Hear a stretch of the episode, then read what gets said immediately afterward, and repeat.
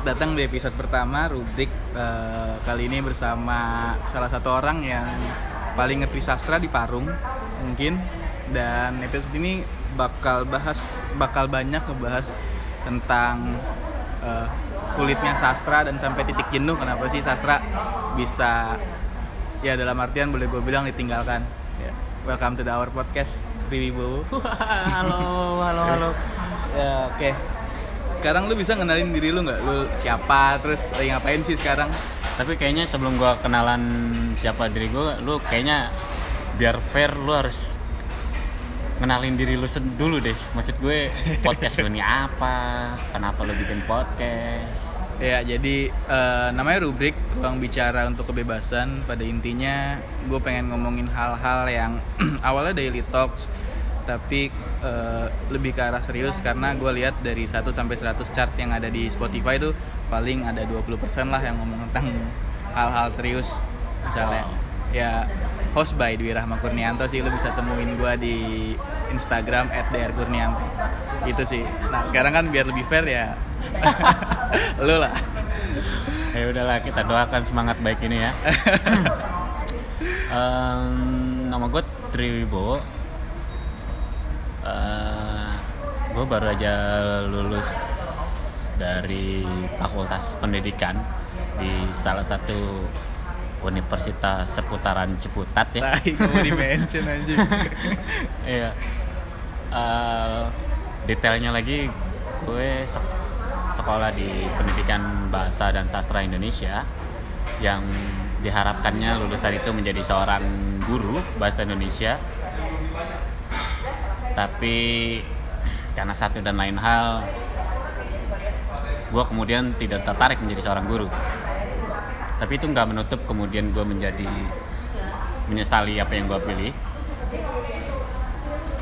Tapi justru karena gue pilih kemudian gue jadi nggak jadi guru. Gimana sih jadi bulat gini? Nggak maksud gue ternyata pas ketemu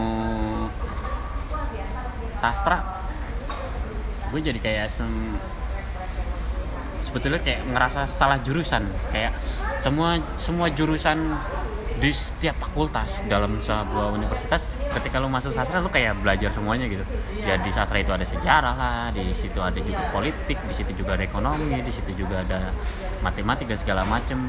Itu sih yang kemudian di dua tahun pertama kuliah gue baru merasakan wah gue salah jurusan. Maksud gue dalam hal ini salah jurusan dalam artian positif nah kemudian baru di situ gue kayak menjadi kilas balik belajar dan fokus sastra kayaknya menarik nih kan meskipun tetap gagah-gagahan kayak gagah-gagahan mahasiswa awal-awal yang wah mau jadi Yang apalah jadi apalah apalah hipster apalah. hipster sastra ya.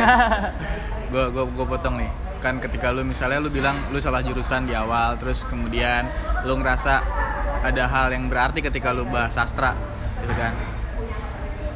Makna sastra buat lo apaan sih? Ini mungkin pertanyaan yang umum tapi gue pengen nanya cuman pengen tahu perspektif lu aja. beruntungnya gue ketemu sama dosen yang dia sangat mengerti sastra tapi konsentrasi dia itu justru di linguistik Ya ya. no no no bukan. Bukan WA dong. Itu jauh kemudian setelah gue menjadi dewa itu. Dewa untuk diri sendiri. Enggak. Ada satu namanya Pak Kiai Makyun Subuki. Dokter Pak Dokter Makyun Subuki yang dia membuka perspektif baru bahwa pada intinya sastra itu adalah mengenai bahasa. Hmm. peri, peri kehidupan apa sih? Peri kehidupan apa yang lu bisa terbebas dari bahasa-bahasa? Nggak ada. Nah itu sastra. Cara ekspresi. Iya jadi bahasa ini sebetulnya curang dia. Bahasa bisa menjadi sebuah alat, tapi juga bisa menjadi dirinya sendiri. Maksud gue bahasa adalah bahasa itu sendiri. Berbeda misal kita ngomongin eh, ini dalam perspektif sastra ya. Hmm. Misal kita ngomongin kesenian lain, kita anggap atau kebudayaan lain. Kita anggap bahwa sastra ini masuk ke dalam sebuah kesenian yang mediumnya adalah bahasa. Ya. Ketika kita berbicara soal lukisan, maka medianya adalah cat air atau kanvas atau segala macam. Tapi apakah kanvas, cat air memiliki maknanya sendiri tanpa dia harus menjelaskan maknanya. Oke. Sementara ketika kita berbicara soal sastra, ada bahasa-bahasa yang kemudian dibuat dalam hal ini tanda kutip quote and quote tapi ketika dia dilepaskan dari istilah kesusastraannya itu bahasa sudah punya maknanya sebelum dia dimasukkan ke dalam wadah sastra itu sendiri ini gitu deh ngomong apa sih gue pokoknya intinya adalah gitu deh Ya, lu bisa nyimpulin sendiri lah apa yang diomongin tadi sama Bowo. atau misalnya di musik Ya, me- nih. mediumnya nada-nada ini Ah, ini cukup perlu gue jelasin karena ini yang kemudian menjadi bahan bakar gue untuk terus belajar. Sastra kadang akhirnya nggak ketemu-temu juga. Kasihan juga gitu kan. Di misal di musik di musik ini kan misal mediumnya adalah nada-nada. Hmm. nada ketika kita pencet G dia nggak bermakna apa-apa. Kecuali dipadu-padankan. dan sekali ya kecuali diberikan makna nuansa dan segala macam baru ada makna bahasa. Ketika misal lu ngomong lapar maknanya bisa banyak banget. Lapar ya lu belum makan dari pagi lapar lu nggak punya duit ntar ke politik lu lapar karena ada pertarungan politik ekonomi dan segala macam di situ kan ada semua. Dan Gitu. jangan lupa ada tesaurusnya juga kan. iya. Nah ini ini ini lanjutan nih kayak gue agak bingung karena banyak orang yang bilang khususnya mungkin eh, orang-orang yang ada di atas umuran kita. 40 ke atas lah gue bisa bilang yang hidup lebih dulu dari kita menganggap bahwa pekerja sastra tuh sama kayak pekerja seni. Tapi gue secara gue sebagai penikmat gue bukan orang yang eh, ngerti sastra bukan orang yang ngerti seni juga. Tapi gue rasa dua istilah ini punya medium yang berbeda.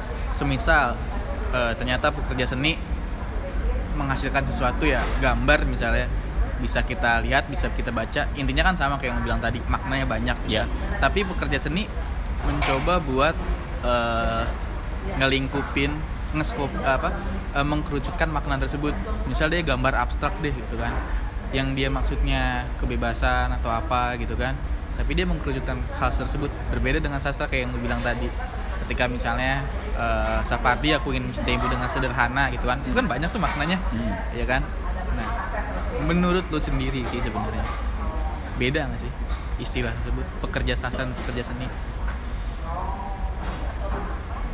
Gua nggak tahu ya maksud gue gue juga nggak cukup valid ketika membicarakan seni secara keseluruhan karena nggak cukup mumpuni dan punya ilmu untuk berbicara itu gitu ya gue cuma mengandaikan bahwa mungkin yang dimaksud sebagai pekerja sastra apakah kemudian di sini lo sebut sebagai seorang sastrawan Hmm. atau ketika pekerja seni adalah seorang seniman? Gue cuma kemudian mengkaitkan bahwa bahwa seorang sastrawan bahwa seorang seniman itu bukan ini kita sedang tidak membicarakan soal profesionalitas ya. Iya. Bahwa seniman dan sastrawan gue menganggap seperti seorang kiai gitu yang nggak ada sekolahnya. Maksud gue ketika seseorang itu dianggap atau dipanggil atau disapa eh, jadi seorang sastrawan seorang seniman itu adalah masyarakat yang memberikan memberikan julukan itu gitu. Karena mau nyam sekolah mau di mana di mana di mana nggak ada yang kemudian setelah keluar dari sekolah itu kemudian dipanggil sastrawan kan enggak gitu kan. Tapi ada beberapa yang mungkin untuk menghindari abstrak ya. Mungkin kita bisa mengukur ada tolak ukur kapan seseorang kemudian dianggap sebagai seniman atau dalam hal ini sastrawan ya. Bisa kita lihat dari karya-karya mungkin ya. Hmm. berapa banyak karya karena seseorang dianggap kiai karena gue juga kuliah di seputaran Ciputat Universitas itu yang juga ada tradisi keagamaannya ketika seseorang dianggap sebagai kiai ya maka syaratnya dia harus punya santri. Dia harus punya pengajian dia harus punya karya semacam kitab tafsir dan segala macam. Pun demikian dengan seniman dan sastrawan dalam hal ini dia harus punya karya apa? Kemudian dia sudah berkontribusi apa terhadap siapa berpihak kepada siapa dan segala macam. Track record itu lagi yang kemudian eh, menjadikan diri dia menjadikan dirinya sebagai seorang. Gue potong nih Eh, menurut lu underrated nggak sih Apa nih? dua istilah tersebut di masyarakat? Hmm, Karena kan kadang masyarakat tuh ngambil istilah dari contoh misal pemberitaan, ya. TV, misal paling sering deh eh, sa- eh, kadang Rendra disebut sastrawan, Ya. kadang eh, Rendra disebut budayawan, Ya. misalnya ketika sedang Ya, ya, ya. mengomentari Ini yang menarik, ini yang ya menarik. kan?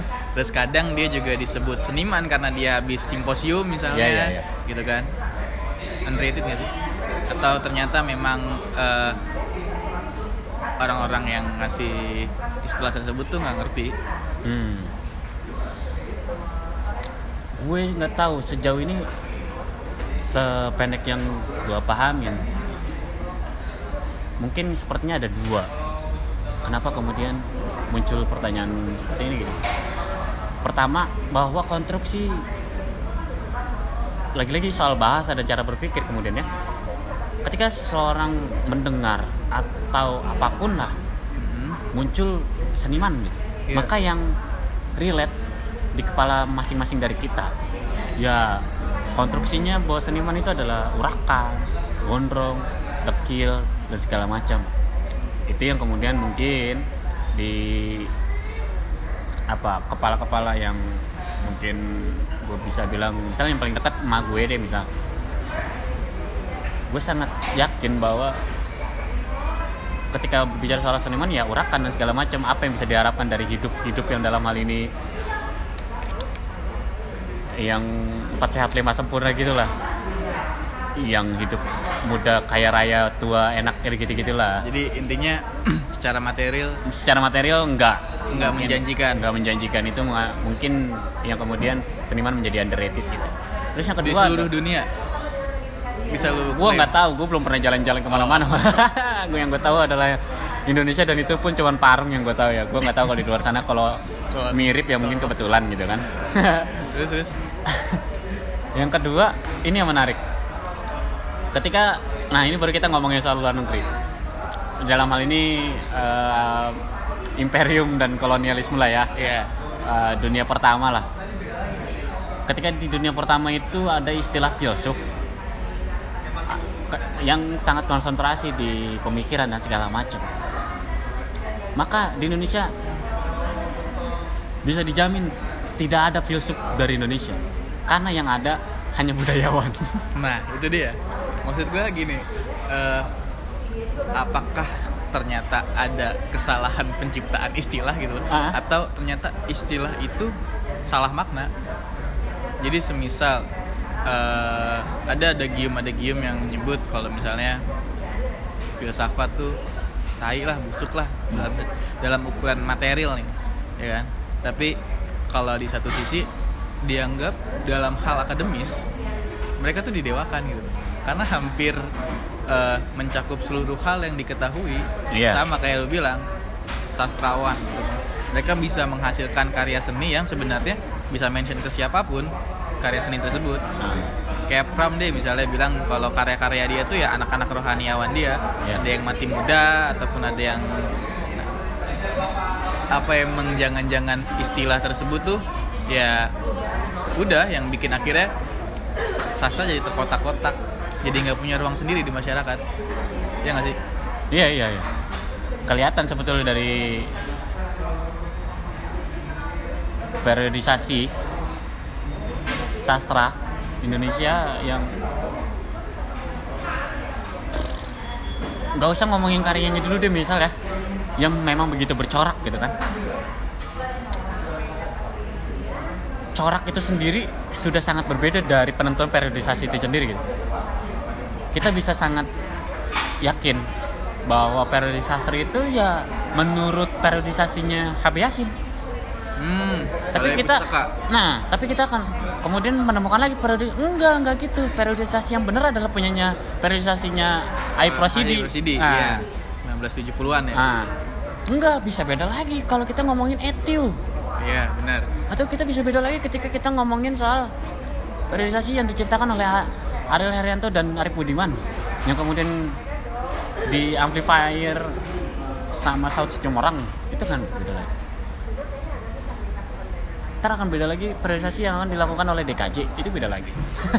Berarti lu bilang ada kesalahan eh, bisa dibilang apa ya mungkin miskonsepsi ketika merumuskan sejarah sastra karena nggak nggak indep misalnya nggak terlalu dalam eh, nyarinya atau studi perbandingannya misalnya kayak Ajib misalnya bilang kalau misalnya nggak nggak nyampe balai pustaka tuh sebelum balai pustaka masih ada misalnya gitu kan. Nah ya apakah emang itu yang kemudian? Dan tidak diterima di medium di masyarakatnya.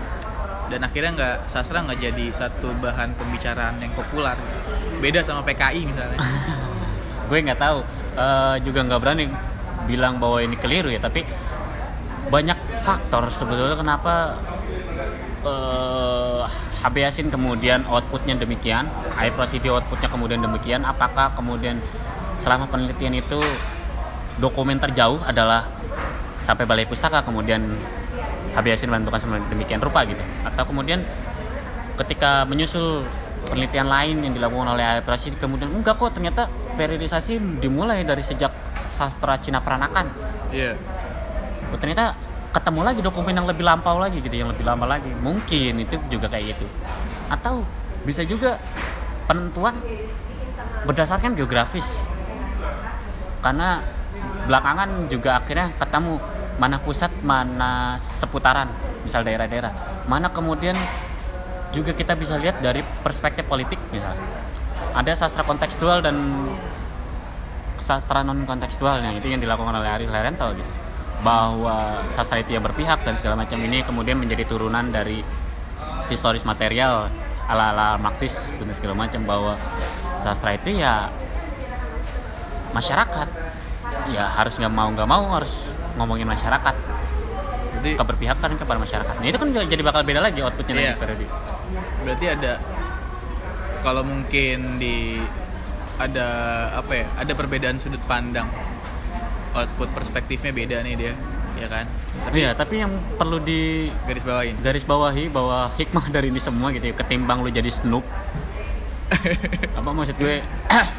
Ini yang kadang kemudian karena gelombang sekarang kan kayak semua orang sangat puitis semua orang itu yang sangat itu- sastrawi itu, dan itu, segala itu macam. yang bakal terakhir gue bahas sih. Nah, nah yang kemudian jadi lu kayak orang satu-satunya yang paling mengerti sastra gitu. Ini yang sangat dihindari gitu. Jadi snoop kemudian menjelek-jelekan orang lain yang tidak sesuai standar lu bahwa sastra itu seperti ini gitu. Ini makanya yang perlu digarisbawahi dari ini semua adalah hasanah lagi yang kemudian yang cukup beruntung. Ternyata Indonesia begitu rupa pun sangat sulit untuk di stereotype, sangat sulit untuk disimpulkan. Makanya alternatif-alternatif ini justru perlu kita syukuri bahwa kita banyak sekali punya tawaran-tawaran dan hasanah yang lain. tapi bisa bisa dibilang gak sih is the west still the best kayak karya-karya Dickens, Tolstoy, Shakespeare gitu karyanya tuh bisa melampaui pada zamannya misalnya Hmm. apakah karya semisal ya Sitor Sitomorang misalnya Hmm. atau eh, mungkin Anwar gitu kan kalau bagi gue sih ya dia sejarah. Ah, dia meninggalkan sejarah tapi bukan mening bukan membuat ya sorry sorry nih sorry itu saya bukan membuat kita merefleksikan apa yang ada sekarang. Oh iya. apa Gue- karena ada perbedaan perbedaan dalam artian eh, mungkin ketika Tolstoy, Dickens dan Shakespeare membuat tidak ada tekanan yang ada di di lingkungan gitu mungkin Anwar, Pram, Sitor ketika membuat itu membuat karya mereka punya tekanan terhadap pribadi diri mereka sendiri bahkan Pram bilang eh, kayak misalnya dia tuh mendapatkan keluarga negaranya nggak nggak bebas nggak gratis gua harus usaha gitu kan Nah, bisa itu kan bisa jadi latar belakang karyanya kan Iya. Gue mencatat beberapa poin di sini gitu. Eh, apakah kemudian yang mendefinisikan bahwa seseorang ini melampaui zaman atau dalam hal ini mendunia ya? Hmm. Apakah kemudian definisinya seperti ini? Eh, karya kemudian muncul dari seseorang bahkan ketika kematiannya bahkan 50 tahun setelah kematiannya karya beliau masih tetap terbaca Betul. apakah kemudian eh, apa eh, definisi dari seorang sastrawan men- melampaui zamannya adalah seperti itu gitu yang dia tetap dikenang dan lintas keterbacaannya sangat luas. Ketika kita mention Tolstoy, Dickens atau siapa? Animal Farm itu? George Orwell misal. Orwell. hmm. gue rasa kita nggak perlu minder ya karena Indonesia juga punya banyak nama ketika harus disebutkan siapa-siapa saja gitu terlepas dari tekanan politik pada saat itu yang kemudian tidak memunculkan nama orang-orang ini gitu kan kita misal bisa menyebut Sultan Takdir kita bisa menyebut. Khairil Anwar kita bisa menyebut Trump misal yang dalam hal ini gitu kan kita bisa menyebut siapa lagi Sutarji Koljembari yang Iya. menembus batas-batas bahasa atau yang lebih ekstrim lagi adalah ada Frizal Malna yang kemudian dia sangat dekat sekali dengan tradisi Jerman misal gitu kan kita punya banyak nama bahkan sampai yang termuda sekalipun gitu ya. Yang sekarang gerakan sastra yang mungkin ini bisa debatable. Mungkin sekarang arah sastra itu sedang berpusat di Makassar gitu. Tapi kembali lagi ke poin sebelumnya ya. Eh, bahwa karya sastra tidak muncul dari kekosongan zaman. Dia tidak muncul dari bahwa sastra itu tidak seperti Hegel dengan filsafatnya gitu yang dia di atas langit Iya. melihat bumi enggak atau seperti ikan di luar akuarium melihat akuarium itu Kalau enggak main PUBG cuman first view lah. nah Sastra tuh third view. bahwa bahwa iya bahwa sastra bagaimanapun ada salah satu pendekatan yang memang kita tidak bisa melepaskan pengarang meskipun Roland Barthes juga akhirnya juga mengakui bahwa pengarang itu juga penting gitu kan Hmm. Bahwa sastra nggak ujuk-ujuk datang dari langit. Terus kemudian masuk ke kepala kemudian keluar karya kan enggak tapi juga ada pengalaman-pengalaman pengalaman masa kecil dan segala macam karena hal-hal yang paling dekat yang jelas sih. Makanya eh, maka nggak bisa dikatakan bahwa orang seperti Tolstoy, orang seperti George Orwell, Dickens dan segala macam tanpa tekanan gitu. Bahkan Pram, ya banyak sekali eh, pengarang-pengarang. Kayaknya emang nggak ada ya pengarang yang nggak ada Tekanan. lingkup sosialnya gitu loh. Bahwa dia tercerabut nggak ada. Tapi gue nggak tahu sih kalau misalnya sastra Inggris atau Latin misalnya gue nggak ngikutin secara jauh. Tapi apakah kemudian yang menarik adalah ketika misalnya kita berubah ejaan tahun 90 80 90-an gitu kan. Yang mungkin akhirnya banyak meninggalkan eh, kesalahan makna atau istilah misalnya pada Sultan Takdir karya-karyanya yang dianggap gue orang yang eh, hasil dari pembelajaran kurikulum yang pernah membahas Sultan Takdir dalam satu ujian nasional dan gue anggap itu ini apaan sih Oke. Itu yang mana tuh? mis gue lupa karyanya apa tapi gue anggap ini kok cerita maknanya kayak gini gitu loh. Apa karena ketika misalnya ejaan yang disempurnakan gitu kan akhirnya merubah merubah makna walaupun misalnya ejaan yang disempurnakan cuman cuma sebatas ya bukan gue bisa cuma sih ya penyempurnaan ejaan. Tapi menurut gue apakah itu akhirnya menggiring sebuah karya sastra lama bisa gue bilang atau ada istilahnya mungkin eh, periode-periode lama kemudian akhirnya ditinggalkan gitu loh. Kayak dia tidak mempunyai eh, jiwanya lagi. Ternyata dia sudah harus mati pada zaman itu. Yang kemudian digantikan oleh sekarang yang bisa gue bilang yang hidup di atas 2010 ke atasnya gue bisa bilang ya pop lah Hmm, Oke. ibaratnya. Kayak gitu. Oh,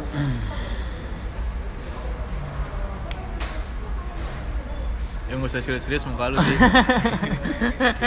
Ini susah banget pertanyaan anjing. Tapi yang gue pahamin dari sastra, dia harus mampu menjawab zaman. Karena melampaui zaman aja bisa, bagaimana harus menjawab zaman? Gitu. Maksud Ya. gue, eh, pada mulanya mungkin yang paling dekat, gue nggak terlalu banyak tahu masa-masa sebelum Raja Ali Haji misalnya Mm-mm. Karena bahasa Indonesia juga muncul dari tanah Sumatera, tanah Riau dan segala macam. dan Riau juga kita tidak bisa lepaskan dari tradisi Islam dan segala macam maka kemudian uh, kemunculan pertama sastra itu banyak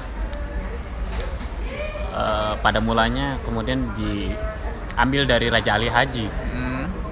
yang isinya tata cara beribadah mulai dari wudhu sholat dan segala macam cuman apa-apa yang kemudian menjadi standar sastra adalah misal ritmenya sekian metrumnya sekian rimanya sekian ini sangat teknis gitu.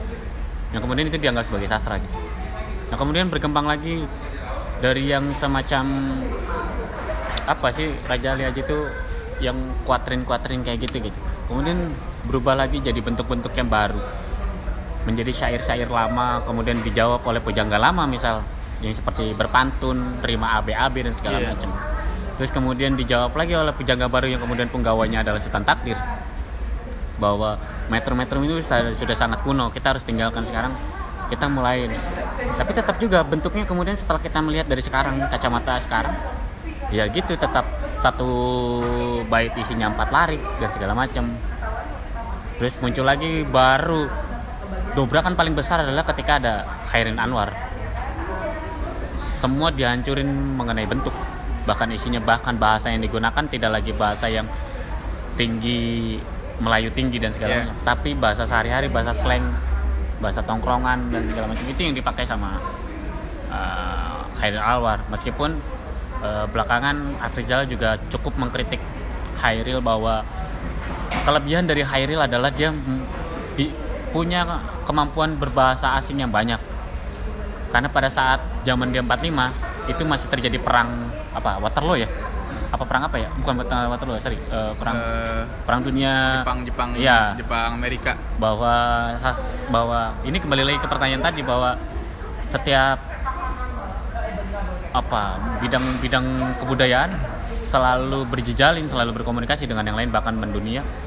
Mungkin ini menurut eh, Pribadi menurut lu. Afrizal sorry Oh. menurut Afrizal bahwa kata-kata yang digunakan oleh Khairil itu ia temukan di karya-karya Inggris ia temukan di karya-karya eh, sastrawan-sastrawan sekutu dan segala macam yang isinya memang tentang perang makanya kemudian sangat laki sangat maco banget puisinya Khairil. Anwar misal perang dan segala macam sementara politik dan iklim oh, sorry bukan politik. Iklim yang terjadi di Indonesia justru sedang agraris agrarisnya Ma, bagaimana mungkin seorang petani mengetahui uh, persenjataan atau istilah-istilah perang misal Kerawang Bekasi? Itu kan diksi-diksi yang dipilih oleh Hairin Anwar sangat peperangan.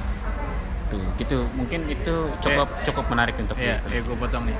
Jadi eh, ketika misalnya lu bilang ada latar belakang latar belakang yang mendasari eh, entah Hairil, entah Afrizal, terus kemudian Raja Ali sampai eh, Sultan Takdir eh, merumuskan yang sampai senjelimet gitu, gitu kan. Nah, yang gue pengen mention sih lebih ke ternyata tuh mereka di kalangan anak muda zaman gue lah 90-an ke bawah gitu kan Emang umur lu berapa? 90-an ke bawah Oke. itu bukan sesuatu yang yang yang yang enak buat dibicarakan gitu loh beda misalnya ketika misalnya kita bahas bola gitu Hmm. atau kita bahas situasi yang ada misalnya dan ketika kita bahas dan ini ini yang menarik dari dari zaman yang ada sekarang sih kayak misalnya ketika lu mulai berpuisi mulai sok-sokan eh, pamer kata-kata lah kalimat-kalimat gitu kan Oke. lu, lu dianggap sesuatu yang menggelikan gitu loh ya kan pada zaman kita gue nggak bilang di zaman zaman Ah. Raja Ali dan sebagainya tapi apakah itu yang akhirnya eh, membuat sastra sampai pada titik jenuh dalam artian ya dia bisa menjawab zaman karya tetap terus ada sastrawan tetap terus ada tapi bukan sesuatu yang populis buat dibicarakan Oke. bukan sesuatu yang apa memang karena salah kurikulum kan lu bilang lu tadi di awal adalah calon tenaga pendidik gitu kan. dan pasti lu pernah pernah magang lah menjadi seorang tenaga pengajar gitu tenaga pendidik di suatu sekolah gitu. Ah. apa memang salah kurikulumnya? Semisal gue pengen mention alih-alih eh, bahasa Indonesia jadi sebuah bahasa yang eh, bisa memiliki kebanggaan gitu. Bagi Apa, go internasional gitu? Ya bu, enggak Oh, gue gue gue gue nggak nggak bilang go internasional tapi dihormati. Aha. misal kayak gue sangat sangat sangat respect sama orang-orang Tiongkok yang eh, Cina lah bisa dibilang yang yang mereka menghormati bahasanya gitu kan. Terus kemudian banyak muncul muncul istilah gitu kan. Eh, ada istilah fuk ada istilah apa yang kemudian eh, seri bahasanya tuh bisa di bukan seri sih kayak jenis bahasanya tuh banyak gitu kan. Ragamnya. ragamnya banyak. Tapi kenapa ya Indonesia nggak bisa seperti itu gitu? Apa karena ya balik lagi kurikulumnya yang salah Wah. gitu kan? Atau tenaga pengajarnya memang ya yang nggak siap. Gue gue nggak tahu nih gue mau ngambil fokus pertanyaan lu yang mana ya? Ya gue gue gue gue pertama gini deh kurikulumnya salah gitu kan?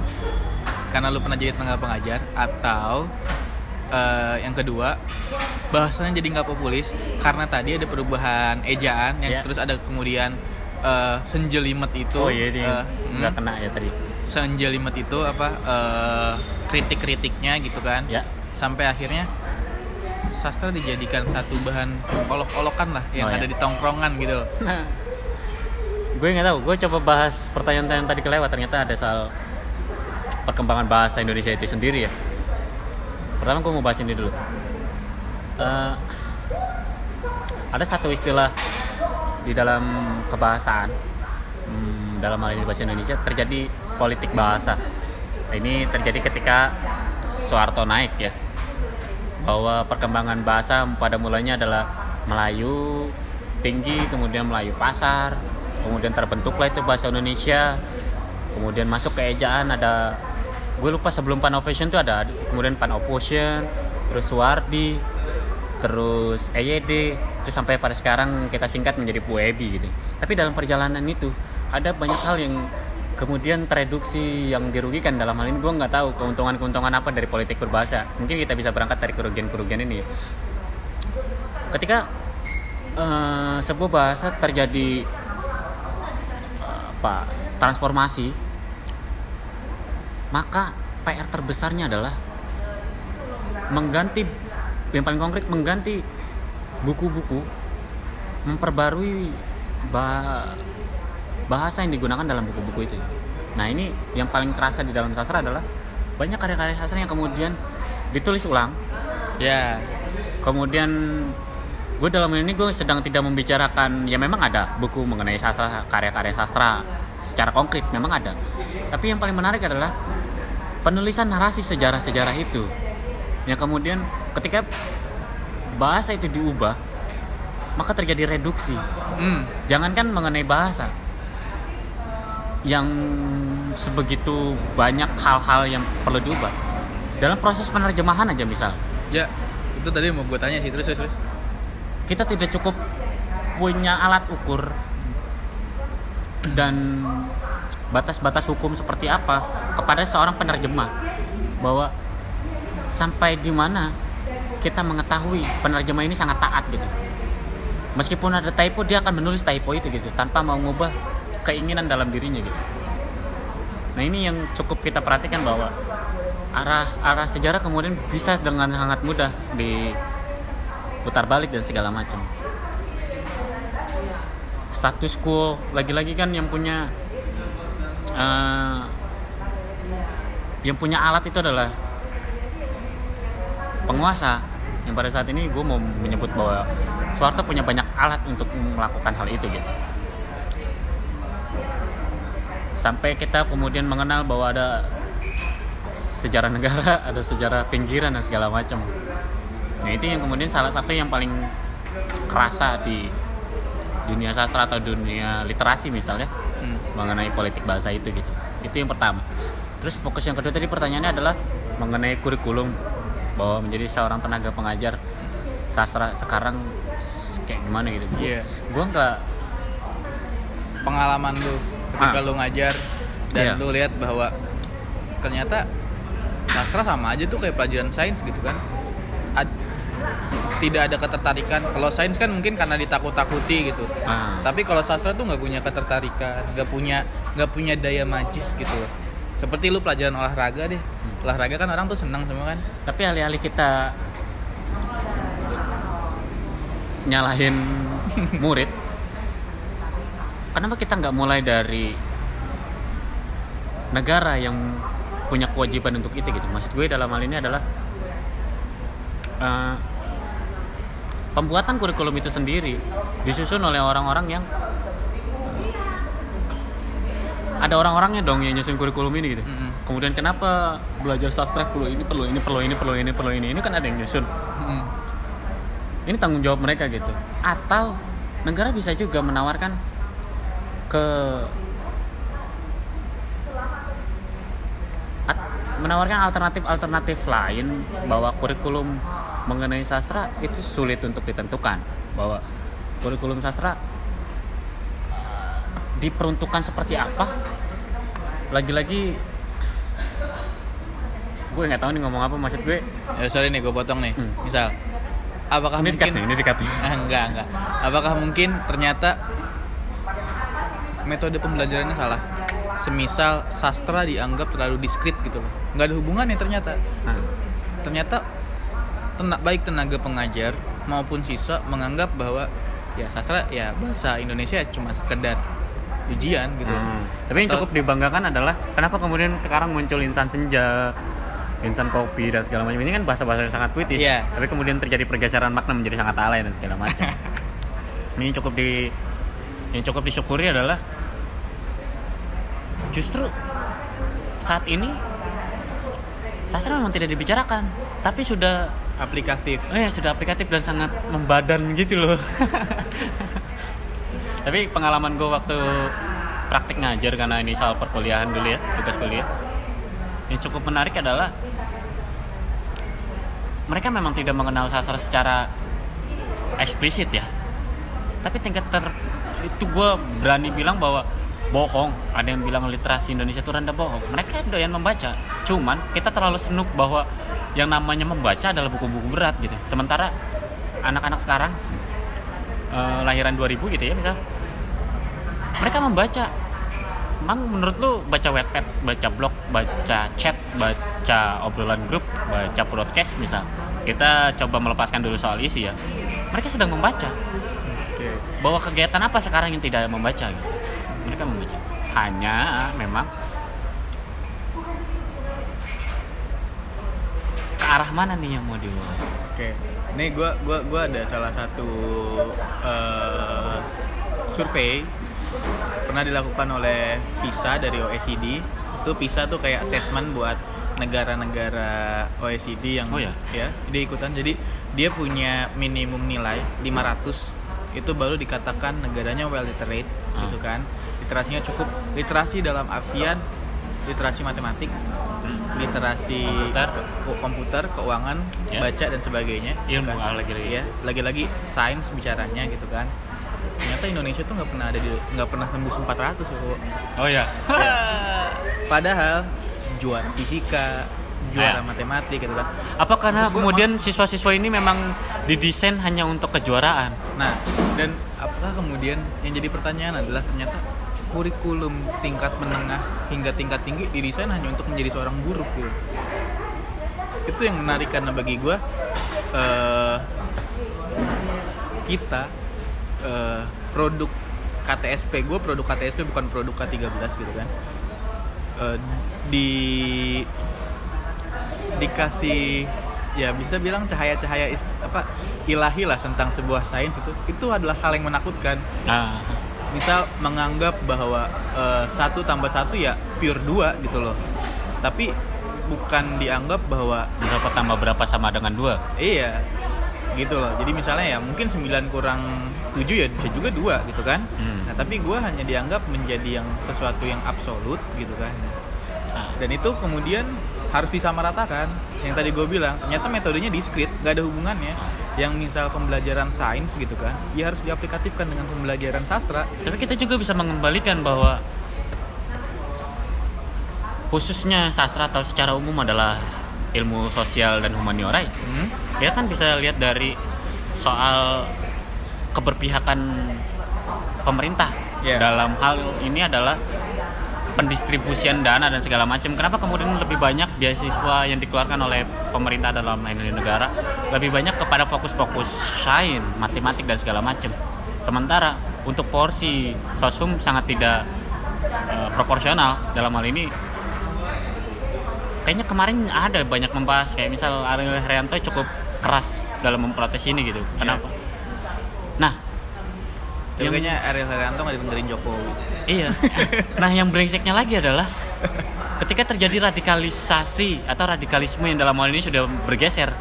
Padahal seseorang menjadi radikal itu sangat penting dan sangat bagus gitu. Tapi kemudian radikal dikaitkannya dengan terorisme dan segala macam. Ini cukup disayangkan pergeseran makna ini gitu ya.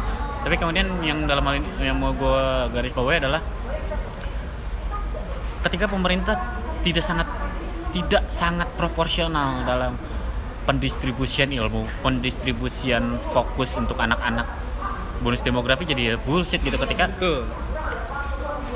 eh, pemerintah tidak concern, pemerintah tidak membangun dari awal bahwa penting pendidikan sosum ini. Baru kemudian sekarang udah ada kejadian radikalisasi. Apakah bisa dijawab oleh sains? Kan nggak bisa. Ini kan dijawabnya Oleh hanya, hanya dan cuma oleh sosial humaniora gitu. Dan agama tentu saja masuk ke sosial dan humaniora. Tapi yang menarik dari yang gue bilang sebenarnya, eh toh apa jangan-jangan masalah ini bukan masalah, gue bukan ngebela pemerintah sekarang ya, tapi emang masalah ini udah didesain gitu loh dari zaman Soekarno atau zaman bahkan sebelumnya gitu kan dari zaman feodal bahkan munculnya orientalisme barat gitu Ya. kan sudah didesain bahwa toh ternyata budaya kita gitu kan. Pertama tidak menghargai kritik. Terus yang kedua eh, tidak berani out of the box gitu kan.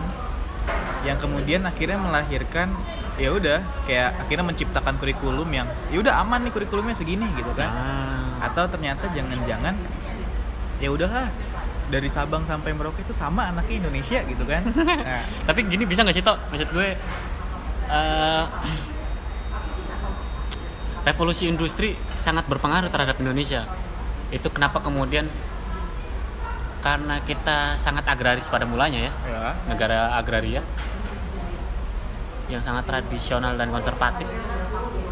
Pada mulanya kemudian kenapa ya lo sudah mention Soekarno kemudian masuk kita perlu teknologi, kita perlu keilmuan, pengetahuan yang dalam hal ini ilmu pengetahuan yang sangat saintifik gitu, bukan yang spekulatif gitu. Atau misal tadi yang kita tidak punya budaya kritik misal, apakah juga sangat berpengaruh dengan tradisi Indonesia secara mayoritas adalah orang Jawa yang sangat mengenal unggah-ungguh yang sangat mengenal atau tradisi Islam yang sangat kuat mengenai pesantren dan segala macam dalam hal ini gue sedang tidak mengkritik pesantren tapi sedang mengkritik bahwa eh, takjim di hadapan ilmu dan guru adalah sangat penting gitu. Maka tidak tercipta ruang diskusi. Terus jadi agak jauh misal kayak misal kemudian kenapa muncul filsuf seperti eh, siapa? Siapa? Madilog oh Tan Malaka. Tan Malaka kemudian kenapa muncul itu gitu kan. Itu kan cukup menarik sebetulnya. Nah ja, eh, batasin ngomongin oke itu. bisa kita batasan ini. bahaya. eh, apa ternyata gitu kan perubahan medium itu gitu loh ya kan. Akhirnya yang lu bilang tadi lu mention revolusi industri gitu kan. Sastra nggak sih ya? Jadi kayak ya akhirnya awalnya mediumnya mungkin bacaan langsung gitu kan koran oke. majalah oh ini gue perlu stop dulu toh. Enggak enggak gua- sialnya Indonesia itu ketika kita membicarakan soal literasi kita tidak dihadapkan oleh tradisi tulis. Tapi kita lebih didahului oleh tradisi lisan. Hmm, yang door to door dari mulut ke mulut gitu. Hmm. sehingga hmm, pernyataan lu tadi itu sebelumnya batal oke. Karena tradisi lisan. Iya, iya. ya maka kemudian kenapa mau lebih banyak cerita rakyat? Kenapa kemudian lebih banyak dongeng? Kenapa kemudian lebih banyak hikayat? Kenapa kemudian lebih banyak mitos?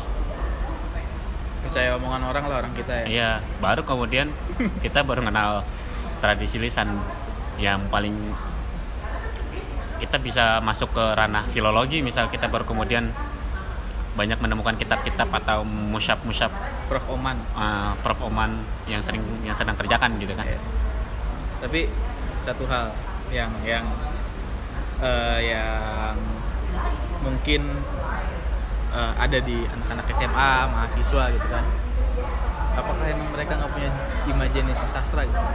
Dalam artian imajinasi sastra mereka ternyata berbeda dengan dengan apa dengan apa yang ditulis oleh sastrawannya karena kan sastrawan dalam artian kalau gue bisa simpulkan dari omongan lu di awal sampai sekarang tuh kayak Wow. mereka tuh nggak membatasi nggak membatasi karyanya. Karena lu bilang tadi di awal kayak misalnya eh, bahasa melahirkan banyak makna dan istilah gitu kan. Gue bisa disclaim bahwa ya sastrawan juga ingin menciptakan karya-karyanya ya eh, ingin punya banyak makna dalam penikmatnya gitu kan. Tapi ternyata karena ada kesalahan yang tadi di awal gitu kan. Bukan kesalahan sih kayak miskonsepsi metode pembelajaran sastra terus kemudian miskonsepsi sastra sebagai satu hal yang sudah tidak populis gitu kan. Akhirnya melahirkan makna yang berbeda. Semisal gue pengen bilang eh, istilah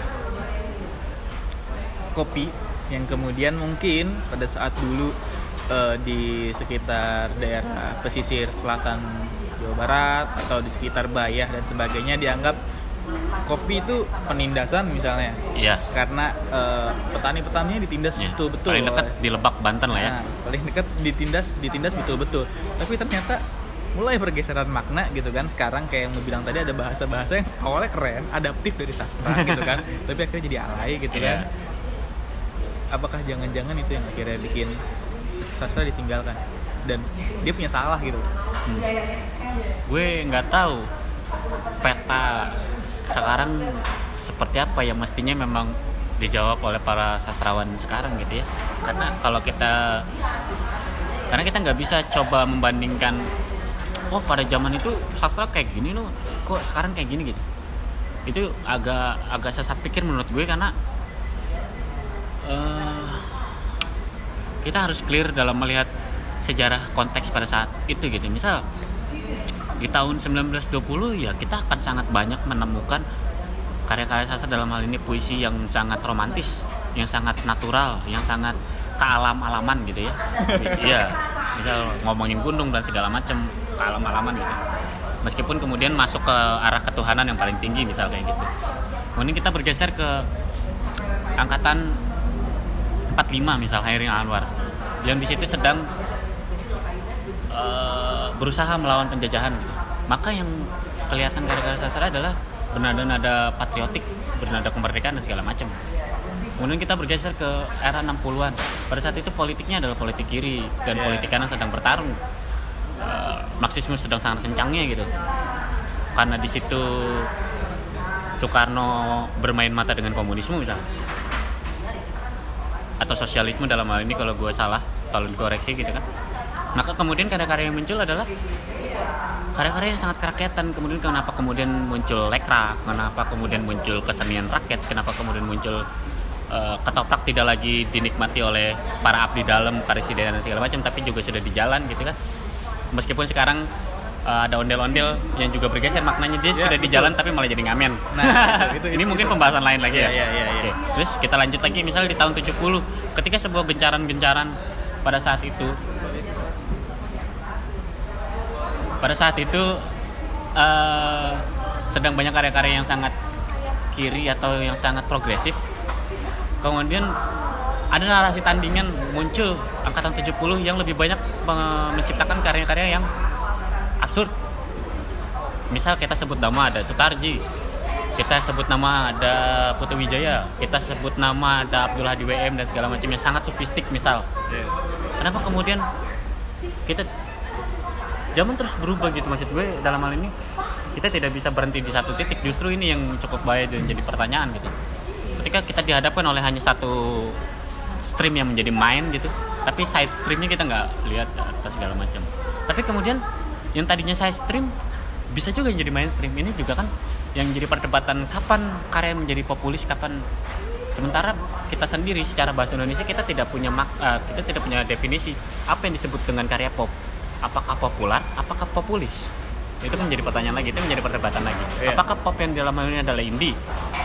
Kalau begitu setiap karya dalam skenanya adalah indie. Karena pop itu skena kecil. Tapi Ah, sebuah karya ketika dihadapkan di skena besar dia akan menjadi indie. Tapi Ya. ketika skena itu diperkecil dia akan jadi populer juga.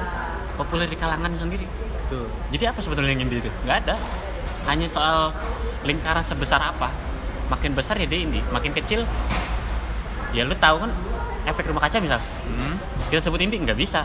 Karena dia karena kita sama-sama tahu. Ya walaupun misalnya jadi populer. Ah, walaupun coba ngomong sama mama gue. Nah itu baru indie. Nah, karena nggak tahu. oke. apakah Jadi- seperti itu pengertian populer atau indie? Hmm, gitu. oke, oke. ini ini yang coba gue mau kita nggak nggak bisa memandang itu da- dalam satu kacamata karena keberjarakan kita dalam membaca zaman membaca karya sastra atau hal-hal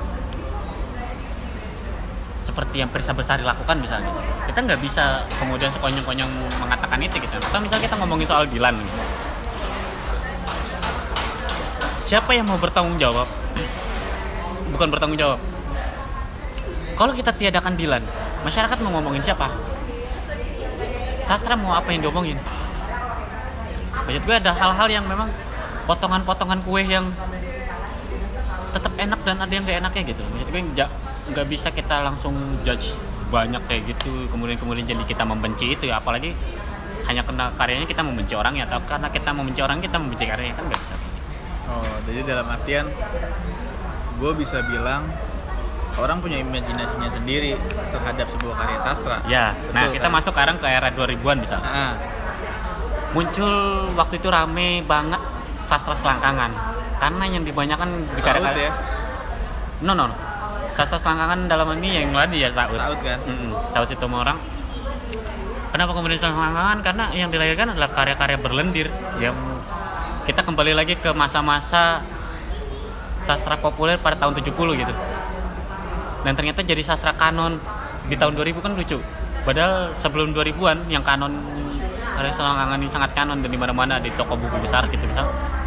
Ternyata di tahun 70-an sudah dimulai oleh Annie Arrow ngomongin Kama Sutra atau Oh. ngomongin cerita-cerita selangkangan atau juga kita bisa nyebut ada satu Motingo Buse. Mm-mm. sebelum dia mengakhirkan karya-karyanya yang fenomenal dan keren abis itu Harimau itu atau yang lain Malam Jahanam dia sebelumnya adalah seorang penulis stensil cuman kemudian yang membedakan adalah gue gue cuman mau menggarisbawahi bahwa yang membedakan mana sastra mana tidak. Sejauh ini gue cuma baru make selama ini masih make bahwa apakah itu sebatas gimmick atau isi? Misal apakah hal-hal yang selangkangan itu hanya dijadikan untuk gimmick untuk membicarakan hal lain yang lebih besar. Politik patriarki pergerakan sosial apa segala macam. Kemudian dipakai gimmicknya adalah seks. Apa? Seks itu menjadi inti dari karya sastra itu. Itu yang kemudian karya stensil itu kemudian yang membedakan itu. Nah kita nariknya sekarang misal. Apakah yang dilakukan Pirsa Bersari apakah yang dilakukan oleh PD Baik apakah yang dilakukan oleh Ken Natasha hal-hal yang menye-menye itu adalah gimmick yang sakit hati dan segala macam bla bla bla itu patah hati gitu. Apakah itu dijadikan gimmick dia untuk membicarakan hal-hal yang lebih besar? Apakah cuma jadi emang itu isinya gitu? Itu kita bisa lihat dan sangat kentara baru kita bisa katakan oh karya ini bacaan ringan. Oh ini nggak berat juga sih maksud gue bacaan yang serius Tapi misalnya kan ketika kita eh, ketika kita ya ketika kita mendefinisikan kemudian mengklasifikasikan bahwa sastra A adalah bacaan misalnya gue gue gue bisa mention lah misalnya Versa Bersari sastranya misalnya bacanya itu itu aja gitu kan. Katanya juga kalau lu penikmatnya misalnya katanya yang diulang ya itu itu aja Iya. gitu kan. Lu bisa nemuin kata semesta di semua karyanya dia misalnya. Karena memang judul bukunya juga semesta kan? Iya kan. Terus atau misalnya eh, PD baik yang bisa gue bilang mungkin kata ya kalimat yang paling uh, sopannya too sweet lah Hmm. gitu. atau ikan Natasha yang misalnya hmm, strong saat uh, apa uh, prolog cerita terus kemudian berantakan di epilog misalnya ya apakah kemudian nggak disadari gitu oleh oleh pembaca kalangan milenial atau Gen Z gitu yang bisa dibilang ya mereka nggak pernah baca Hmm. Dickens nggak pernah baca Tolstoy gitu oh kan. ya Terus gitu ya misal, Misal. maksud gua ternyata mereka menganggap ketika misalnya ada kritikan terhadap yang mereka puja gitu kan misalnya kayak gua nih gua gua gua anak ekonom tapi gua nggak pernah baca sastra sastra secara keseluruhan tapi gua menikmati kritik-kritik terhadap ekonom misalnya nah misalnya ketika eh, seorang eh, Adam Smith yang dikritik habis-habisan oleh Marx misalnya terus Ya. kemudian padahal Marx nggak baca Smith gitu kan Ya. terus eh, atau misalnya Snoop ya? Hmm, atau misalnya eh, Schumpeter yang awalnya ditolak di mana-mana di kampusnya tapi tiba-tiba bisa bisa jadi bukunya bisa sampai tahun 2045 mungkin gue bisa bilang karena eh, satu istilah dia tentang kreatif destruction gimana makna kreativitas bakal menghancurkan segalanya dan itu Ya. kebukti sekarang gitu kan nah balik lagi ke sastra gitu kan. Ketika seorang penyair seorang sastrawan atau pelaku sastranya di diagung-agungkan terus kemudian eh, ada sejumlah orang yang bisa gue anggap lebih mengerti gitu loh dari orang-orang yang penikmat sastra. Kak, misalnya lah gue gue gue sebut nama deh karena ini podcast kan Firsa Basari gitu misalnya gitu kan. Ketika diagung-agungkan gitu loh oleh sejumlah kaum kaum perempuan gitu kan atau Ya. kaum kaum penikmatnya terus kemudian diserang oleh beberapa mahasiswa sastra gitu kan Mhm. ternyata tuh mereka justru membela Versa Basari dan Versa Basari tuh nggak nggak menikmati itu gitu loh. dalam artian tidak menikmati kritik dan Ah. lu sebagai pertanyaannya adalah intinya gini dan lu sebagai seorang penikmat sastra atau pelaku sastra lu lihat gak sih kalau misalnya gue nih sebagai gue bukan penikmat sastra dan pelaku sastra tapi gue melihat bahwa mutu sastra sekarang turun. Ah. dan yang ke yang dan yang kedua nggak ada kritik sastra sama sekali. Padahal mediumnya tuh udah udah udah enak banget cuy. Ibaratnya lu lu tinggal pakai jempol gitu kan ketik gitu kan. Nggak perlu lu harus kayak mung- mungkin dulu ketika misalnya Aji Prosidi bales-balesan sama siapa sama Yasin misalnya gitu kan harus pro-proan surat kabar misalnya gitu kan suara merdeka atau apa misalnya gitu kan. Wah curang lo orang ekonomi lebih paham sejarah sastra anjing. Tapi kalau misalnya ternyata sekarang gitu kan lu seorang influencer jatuh lah misalnya Karin gitu kan lu bilang ah Fiersa Basari sampah ibaratnya gitu kan. Terus ada hal gimmick yang dilakukan sebenarnya tapi kemudian sampah yang tadi lu bilang sampah nih apa nih Fiersa Basari bisa nerima nggak sih gitu kan? Apa jangan-jangan justru kapan gue bilang sampah? Misalnya. Oh. gue nggak gue gue nggak disclaim lu bilang sampah. Gue bilang gue bilang sampah deh. Misalnya. Ternyata dia jangan-jangan justru nggak menerima gitu. Ah, dan justru dia malah defend dalam artian depend on kayak ya semua karya gue tergantung pembaca gue Ah, silahkan lu aja. Iya. dan dan gue dan gue nggak peduli sama kritik lu. Iya, iya. mutu lu mutu lu mutu gue mutu gue itulah intinya itu sih disclaim dari seorang pengarang untuk ya segmen gue emang membuat dia gitu kan. Iya. Tapi yang menarik adalah eh, sastra dalam pengertian yang lain adalah dokumen sejarah ya. Yang artinya ketika sastra ini lahir dokumentasi dari sebelum dia diterbitkan itulah dokumentasinya. Karya dalam hal ini gue mau mengatakan bahwa oke kemudian itu sisi-sisi yang udah lu sebutkan menjadi sisi-sisi yang lain. Gue mau menyebutkan sisi yang lainnya lagi gitu. Misal di dalam karya-karya Birsa Bersari gue mau coba terus menjaga jarak apa nih apa nih apa nih gitu. Apakah kemudian dari tahun-tahun segitu anak muda dari usia sekian ke sekian punya kegiatan dan cara hidup yang seperti itu gitu. Terus di situ juga kita bisa merekam bahwa oh, ternyata banyak sekali bermunculan kafe-kafe dan segala macam. Dari situ baru kemudian kita juga bisa melihat ekonomi yang terjadi di kota-kota urban seperti demikian. Itu misal. Dalam sisi yang lain misal PD baik. Jadi PD baik yang lebih menarik adalah ketika di Dilan gue tidak membicarakan soal romantisme di dalamnya ya. Tapi lebih membicarakan bahwa Dilan bukan produk sekarang tapi Dilan adalah produk 90 90 di mana usia sedang sangat mudanya si pengarang itu sendiri gitu. Mhm. kita tidak bisa melepaskan hal itu gitu tapi meskipun tidak menutup kemungkinan dengan bahwa Dilan juga anak sekarang gitu. Tapi yang menarik adalah di kota Bandung di tahun segini dan segini sangat jelas banget bahwa kehidupannya seperti itu gitu. Geng motor bla bla bla dan segala macam. Banyak sekali kejadian-kejadian yang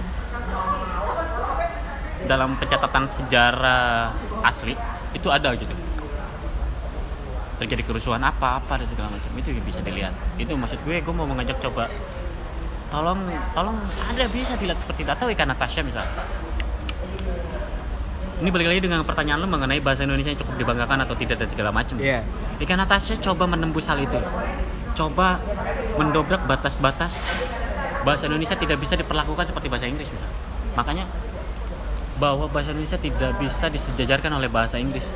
Di dalam karyanya Ikan Natasha berhasil melakukan itu. Bahwa dia bisa mengkomunika mengkombinasikan penggunaan dua bahasa sekaligus dalam satu tuturan. Dan sangat tidak klise dan lumayan. Menurutku bagus bagus banget. Dalam hal ini Ikan Natasha berhasil ketimbang pengarang-pengarang lain coba lakukan gitu ketika ada hal-hal situasional yang tidak bisa diungkapkan dalam bahasa Indonesia yang tidak ada padanannya maka salah satu jalan keluar adalah dengan bahasa Inggris tapi Ikan Natasha tidak tidak menggunakan bahasa Inggris untuk yang itu gitu Oke, tapi balik lagi ke pertanyaan gua. Apakah lu sebagai penikmat lu nggak menikmati kritik sastra sekarang? nah Karena- itu karena- persoalan lain Karena bagi gua macam ikan atas ya, macam Leila Chudori, sorry, macam Leila Chudori gitu kan. Terus penulis-penulis hebat, penulis-penulis keren, kolumnis-kolumnis keren gitu kan. Yang karyanya bagus gitu kan. Tapi mereka nggak punya advice buat karyanya gitu. Dan gua takut karyanya terjebak gitu loh. Karena pasti ada eh, stuck ketika eh, ketika writer stuck gitu kan ibaratnya. Kayak nulisnya tuh mereka ya. Udah ya di situ-situ aja. Misalnya ya Chudori ya seputaran 98 99 2000 masa transisi misalnya gitu kan. Dan ternyata yang balik lagi ketika mereka dikritik gitu kan mereka nggak nerima. Padahal bagi gua eh, harusnya kritik itu jadi salah satu bahan yang enak dan dinikmati oleh sas- eh, oleh penikmat sastra. Kayak misalnya gue coba mau jawab ya gue udah nangkep. Gue coba mau jawab dari prinsip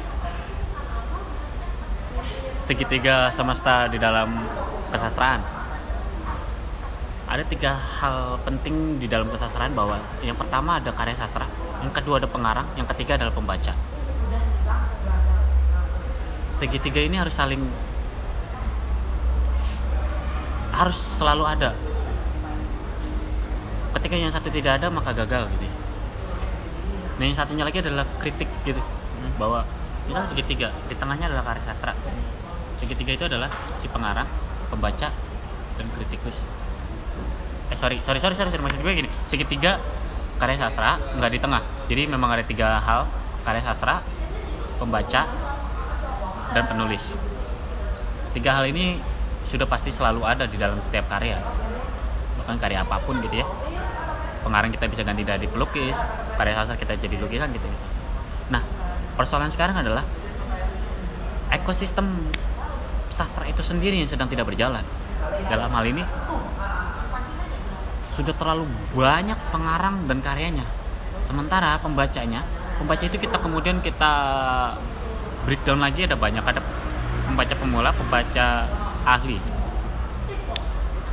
Nah pembaca ahli ini yang kemudian maksud gue dalam hal ini kalau pembaca pemula itu adalah pembaca ya udah pembaca aja gitu ya, dan review-review singkat gitu nah pembaca ahli ini yang kita kurang populasinya dikit. populasinya dikit dan tidak berjalan. Dan Dan- ini kemudian menjadi krisis kritikus itu sendiri. Bahkan ada kritik yang ngomongin kritikus karena nggak ada kritikus gitu kan itu yang kita kurang sebetulnya kritikus itu sendiri yang tidak dibangun maka alternatif-alternatif yang sebetulnya kalau segmen podcast ini adalah seorang mahasiswa ya yang paling dekat dilakukan adalah komunitas-komunitas sastra atau yang bergerak di kebudayaan itu sendiri sih yang Harus penting. hidup. harus hidup dan itu harus dibuat Pertanyaan terakhir nih, Wo.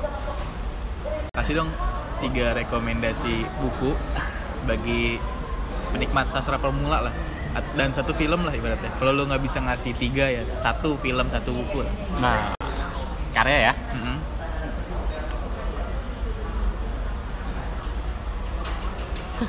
ini jawaban susah banget karena gue punya banyak yang tidak perlu dibaca sebetulnya tapi gue mau dalam waktu dekat ini gue mau baca lagi buku ateisnya punya K. Miharja ya lupa gue K. Auh Miharja itu buku ateis itu sangat recommended bahwa di situ sastra oke banget